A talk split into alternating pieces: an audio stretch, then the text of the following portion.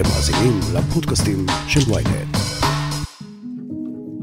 מח"ש הוא גוף עצמאי, נכון שהוא יהיה עצמאי, אה, הוא כפוף למשרד המשפטים, ולכן ההחלטות שהם מקבלים, הם מקבלים אה, על פי שיקול דעתם.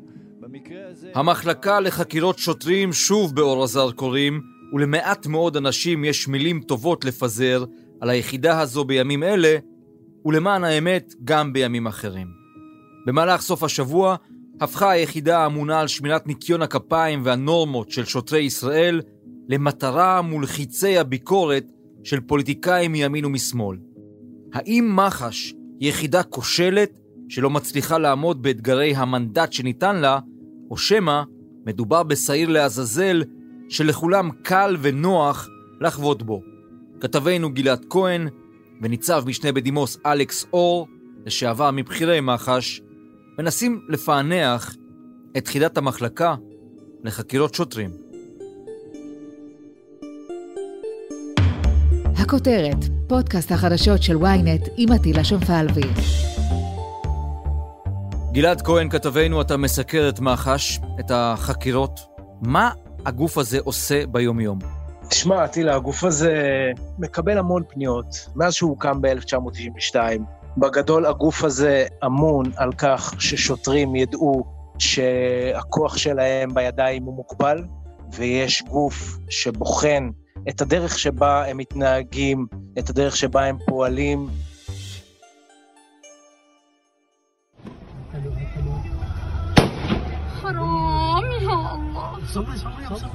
סמוך לשעה 4:40 התקבלה קריאה במוקד המבצעים של מגן דוד אדום על אירוע דקירה באזור שער שכם. אופנועים וניידות טיפול נמרץ שהגיעו למקום. מצאנו גבר כבן 20 לערך, פצוע, עם פצע דקירה בצוואר ובגב. לאחר מכן הענקנו לו טיפול רפואי. ואנחנו כמובן מדברים על, אה, על מח"ש שוב, בעקבות הפיגוע שקרה בשבת האחרונה פה בירושלים, ושבאמת מספר שעות אחרי האירוע הזה, אותם שוטרים, שוטר ושוטרת של משמר הגבול, מוצאים את עצמם נחקרים במחלקה לחקירות שוטרים. למה בעצם הפרידו את מח"ש מן המשטרה?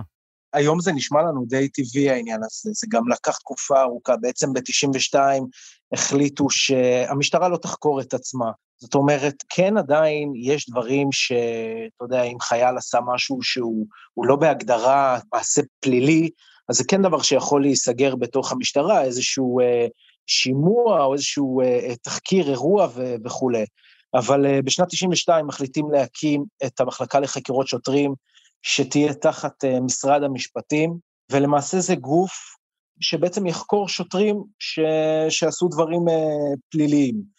אבל העניין הזה, גם משנת 92 עד היום, uh, כל שר משפטים שמגיע מנסה לעשות איזושהי רפורמה. כבר בשנת 2005 דובר על אזרוח של מח"ש, הרי במח"ש עצמה, עד שנה שעברה, היו עדיין שוטרים שחקרו, זאת אומרת, שוטרים שהיו חלק מהמשטרה, עבדו במח"ש ולעיתים אפילו חקרו חברים שלהם. במח"ש אומרים גם היום שהעניין הזה כבר לא קיים, אין אף שוטר אה, או שוטר לשעבר אה, במח"ש שבעצם אה, הוא חלק מהחקירות, וכל החוקרים הם חוקרים שעברו קורס של המחלקה לחקירות שוטרים, ויש הפרדה מוחלטת בין המחלקה לחקירות שוטרים לבין משטרת ישראל, אבל uh, כמובן שיש הרבה ביקורת על הגוף הזה, ויש הרבה ביקורת גם היום על uh, עורכת הדין קרן בר מנחם, שעומדת בראש המחלקה לחקירות שוטרים.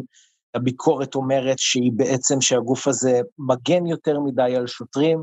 הסגן שלה, שהוא בדרך אה, החוצה ממח"ש, עורך דין משה סעדה, סגן מח"ש, תבע גם לאחרונה, גם את קרן בר מנחם, גם את פרקליט המדינה לשעבר שי ניצן, בטענה שגם התעמרו בו, אבל גם הוא שופך שם במכתב הזה הרבה טענות קשות על ההתנהלות, גם של קרן בר מנחם וגם של שי ניצן, בכל כך הרבה אירועים, גם פרשת אום אל-חיראן, גם פרשת אה, רוני ריטמן, שהכל מתקשר כמובן גם לחקירת אה, יושב ראש האופוזיציה, ראש הממשלה לשעבר בנימין נתניהו, קרן בר מנחם אומרת שזה עניינים אישיים, שהוא רצה להגיע ולהיות אה, אה, ראש מח"ש בעצמו, ובגלל שהוא לא קיבל את התפקיד וגם לא יקבל את התפקיד יותר, לכן הוא משתלח במחלקה לחקירות שוטרים וגם בקרן בר מנחם עצמה.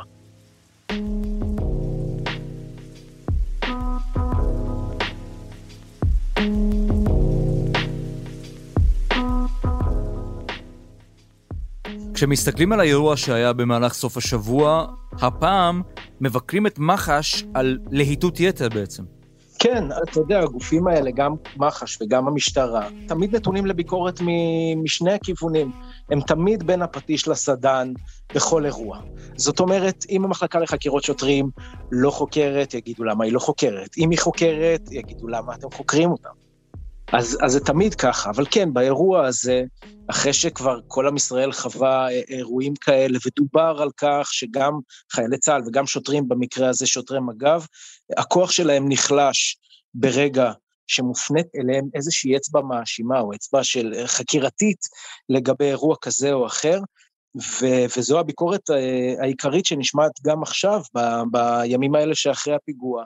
שבמקום לקחת את השוטרים הללו שתפקדו באירוע 15 שניות, לקח להם לנטרל את המחבל, במקום לקחת אותם ולתת להם צל"ש, לוקחים אותם מהאירוע אל שכונת הר חוצבים פה בירושלים, אל המשרדים של, של המחלקה לחקירות שוטרים, וחוקרים אותם באזהרה. עכשיו, גם, גם במחלקה לחקירות שוטרים אומרים שהעניין הזה הוא נוהל סדור. זאת אומרת, כל אירוע שנגמר בביצוע ירי, וכמובן בביצוע ירי ולאחריו מוות של, במקרה הזה של מחבל, זה נוהל סדור ש, שאותם שוטרים יגיעו לחקירה אה, במח"ש כדי לברר את העניין הזה. בעיניי העניין הזה טיפה תמוה, זאת אומרת, אני כ, כחייל, כלוחם צה"ל לשעבר, דברים כאלה אה, היו נגמרים בשיחה מול מפקד כזה או אחר, מבררים את האירוע, יש תחקיר של האירוע, אני חושב שדברים כאלה יכולים לעשות גם בתוך המשטרה. זאת אומרת, מפקד האירוע יכול לחקור אותם ולהבין מה בדיוק קרה, גם אין יותר מדי מה לחקור, הסרטון אה, אה, מונח בפני כל אזרח במדינת ישראל, זאת אומרת, זה לא שמשהו פה נסתר, בשונה מסיפור סלמון טקה, שלא כל כך ידעו מה קרה. פה אנחנו רואים שלב אחרי שלב בדיוק מה קרה. ולכן העניין הזה של החקירה הוא קצת תמוה, אבל אה, אה, במח"ש מודעים לביקורת הציבורית כלפי זה, אה, ומנסים כל הזמן לעדן את העניין הזה ולהגיד שאין פה עניין של עכשיו לראות את אותם שוטרים כעבריינים, זה ממש לא הכיוון של מח"ש.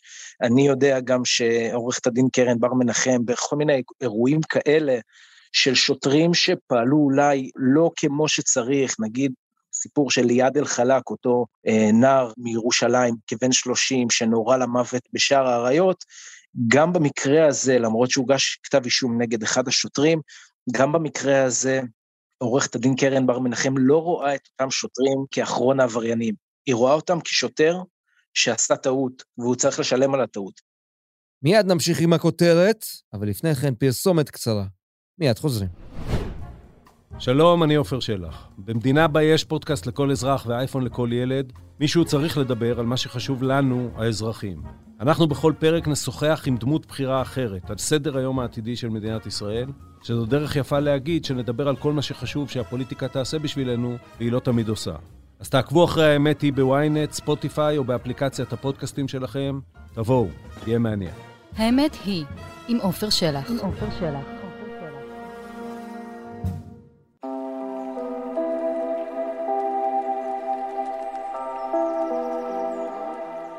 ניצב משנה בדימוס אלכס אור, אתה היית בכיר במח"ש, ניהלת את זרוע החשיפה. האם אתה יכול להגדיר לנו במדויק מה המנדט של מח"ש?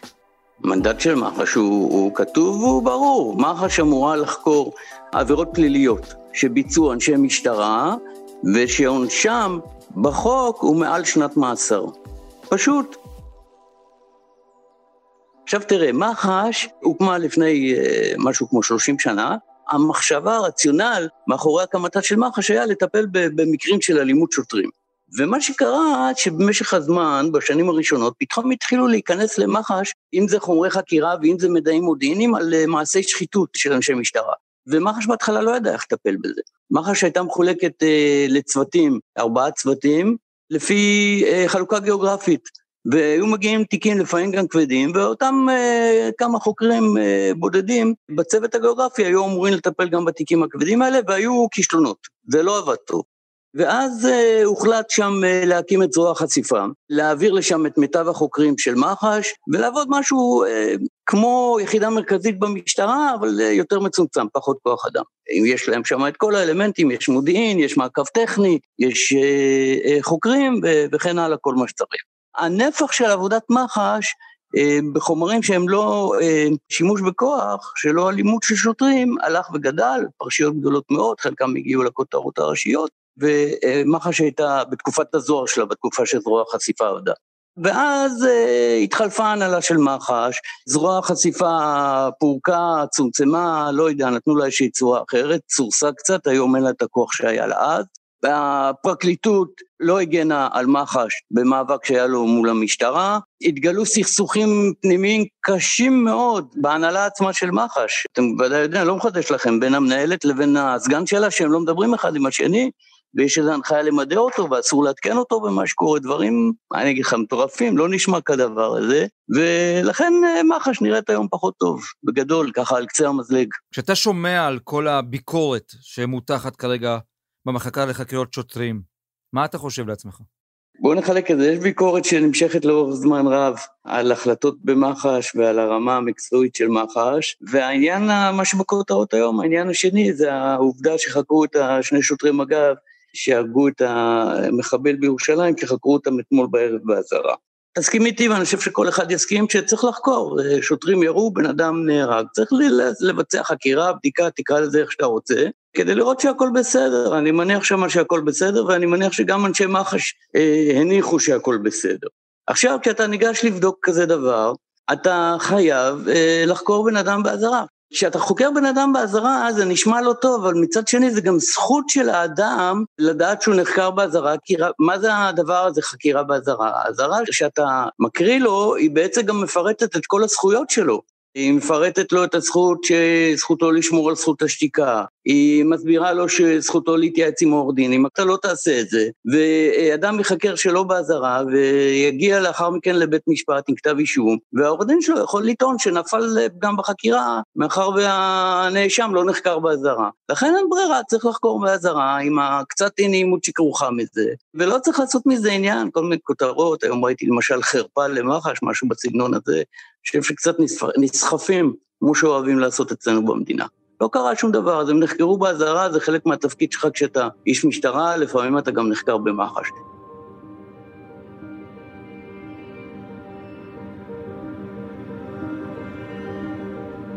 הביקורת הכללית שמוטחת במח"ש, האם הוא מוצדקת? האם המחלקה הזו עושה את עבודתה גם כשזה נוגע לבכירים מאוד במשטרת ישראל? תשמע, אני חושב שבשנים האחרונות יש אה, ירידה ברמה של מח"ש. אני אומר את זה בזהירות, אבל אין ברירה. זמן רב חשבתי שהירידה הזאת ברמה נובעת בעיקר מכך שהמחלקה הוזרחה, והחוקרים היו אה, לא חוקרי משטרה שמכירים טוב את המקצוע החקירות וגם את המטריה המשטרתית. הוחלפו בכל מיני אה, אקדמאים שלימדו אותם באיזה קורס במח"ש איך להיות חוקרים ושלחו אותם לדרך. בשנים האחרונות אני חושב שהסיבה היא פחות העניין של החוקרים האזרחיים, אלא יותר אה, ההנהלה של מח"ש כנראה אשמה בזה. גם ההנהלה של מח"ש וגם משרד המשפטים, פרקליטות המדינה דרך אגב. זה עלה בגדול שניהלו את החקירה כנגד נתניהו, ומפכ"ל המשטרה באותה עת קראו לו רוני אלשיך, והוא אה, נכנס במח"ש, והפרקליטות שרצתה להצליח בתיק של אה, נתניהו, וחשבה שהיא צריכה לרצת את רוני אלשיך כדי שהמשטרה אה, תמשיך לשתף פעולה בחקירת התיקים של נתניהו, ריצתה אותו ונכנסה במח"ש ולא נתנה למח"ש גיבוי בטאקלים שהיו לה עם רוני אלשיך. אז זה גרם גם לירידה מסוימת ברמת העבודה של מח"ש. כך לדוגמה, אקח את המקרה של אה, אום חיראן. לצערנו, הבוקר מנהיגים מסוימים במגזר בחרו להסית לאלימות במקום לגנות את הפיגוע. כולם יודעים והם יודעים כי המחבל שימש כמורה בבית ספר ונעצרו כבר שישה מורים שבחרו ללמד את האידיאולוגיה של דאעש במקום בתוכנית הלימודים של משרד החינוך. חלקם שאף היו בשטח וראו מול עיניהם מה אירע שהיו שם אה, אה, הרבה כשלים, לא, לא, לא נחקור את כולם, אבל אה, אה, למשל, החוקרים שם, שוב, אנחנו חוזרים לאותו עניין, החוקרים שם לא נחקרו באזהרה, והחוקרים שם בהחלט היו אמורים לחקר באזהרה. אה, לפי מה שהבנתי מהתקשורת, אחרי שאותו בדואי נורה, הוא לא נפטר, הוא מת בעצם מדימום, הוא דימם שם והם לא נתנו לאמבולנס שהיה מחוץ לשטח באיקון, לא נתנו לו להיכנס עד שהוא נפטר. אני חושב שזה דבר שהיו צריכים אה, לחקור אותו בצורה מאוד יסודית, ואולי, לכאורה, נעברה עבירה שם כלשהי על ידי המפקדים בשטח, אותם אלה שלא נתנו לאמבולנס להיכנס ולטפל בו, ואולי להציל אותו, אה, להציל את חייו. ניצב משנה אלכס סור, לשעבר בכיר במח"ש. תודה רבה. תודה לכם.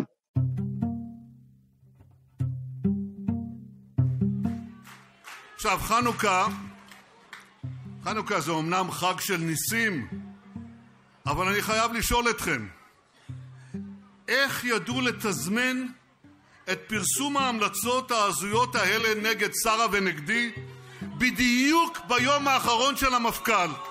איך הם ידעו? איך הם ידעו? מה אני אגיד לכם? נס חנוכה אמיתי.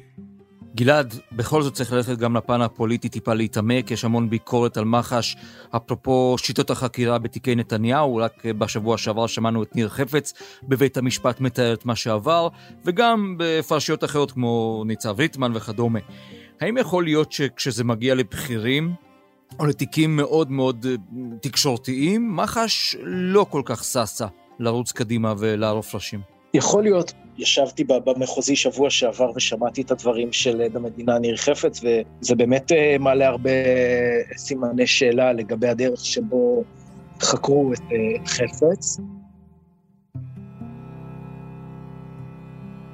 שוב, המבקר הכי גדול של מח"ש, וממנו אנחנו למדים הרבה, הוא אותו עורך דין משה סעדה, סגן אה, מח"ש, והוא טוען שכל הסיפור, גם סביב רוני ריטמן, אה, ניצב רוני ריטמן, שבעצם היה אה, אחראי אה, על כל חקירות המשטרה בלהב 433, גם קשור לענייני נתניהו. זאת אומרת, ריטמן נחשד כמי שהטריד מינית שוטרת, והשם שלו ככה מתערבב גם עם המפכ"ל שניסה, המפכ"ל דאז, אלשיך, ניסה לתאר את שמו ואפילו רצה להחזיר אותו לפעילות במשטרה, רק כדי שזה לא יפריע לחקירות נתניהו, זו טענה ש, שמשה סעדה אה, מביע בעצמו, הוא אומר שחקירות נתניהו היו כנראה מבחינת המשטרה הדבר הכי חשוב באותו זמן, ובעצם אותה תלונה נגד אה, ריטמן, שבעצם היה אמון על החקירה, היא נועדה כדי להחליש את התיק נגד נתניהו,